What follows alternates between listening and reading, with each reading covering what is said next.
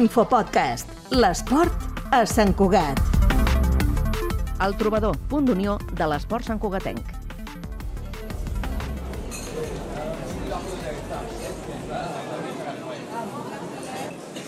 Al maig de 1971 obria un restaurant que es convertia en punt d'unió per a tres entitats esportives, el balonmano Sant Cuat, l'hoquei patins i el bàsquet Sant Cuat. Un punt de trobada per a les tres entitats per fer reunions, dinars o sopars. La família Durà era qui gestionava aquest local situat a la Rambla del Celler número 15, un punt d'unió de l'esport Sant Cuatenc, com explica Joan Durà, fill dels propietaris del trobador. Van venir, el, feien les reunions doncs, el, del bàsquet Sant Cugat, feien reunions els del hockey sobre patins, eh, amb el Muriel al davant. Aquí va néixer el balonmano Sant Cugat, o sigui, es va convertir en un centre d'esport. Durà va ser un dels fundadors del balonmano Sant Cuat, actualment Club Handbol Sant Cuat, que enguany compleix 50 anys. L'existència del Club Vermell Negre no s'entén sense l'existència del trobador. Segurament el handbol no existiria si el trobador no hagués existit. T'ho dic així de clar, eh? i sóc taxatiu.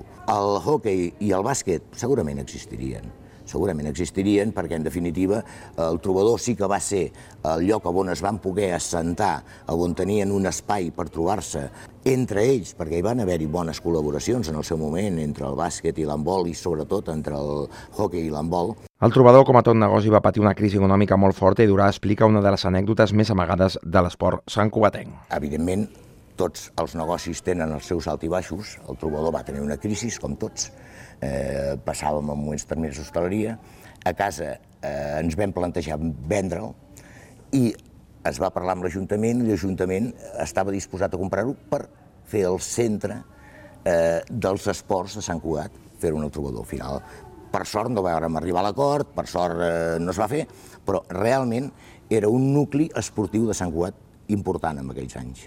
El local també va servir per a sopars de forces polítiques i fins i tot va reunir personalitats destacades dels primers anys de la democràcia. L'espai més gran que teníem, aquí pensa que ens hi cabien 300 comensals, que es diu ràpid, eh, que generava molta feina, però clar, aquí fèiem de tot, convencions i de més. I et trobaves amb les anècdotes de que un cap de setmana, un dissabte al vespre, doncs tenies el PSUC o el PC fent un sopar aquí a casa, eh, i el cap de setmana següent tenies un sopar de Fuerza Nueva. I sí, sí, evidentment, per aquí havia passat doncs, en Bestringe, en Fraga, Pilar Franco, la germana del caudillo, eh, que inclús si busco per casa dec tenir un llibre signat d'ella. El trobador va tancar el 1986, però va ser un lloc essencial pel creixement de l'esport santcuatenc.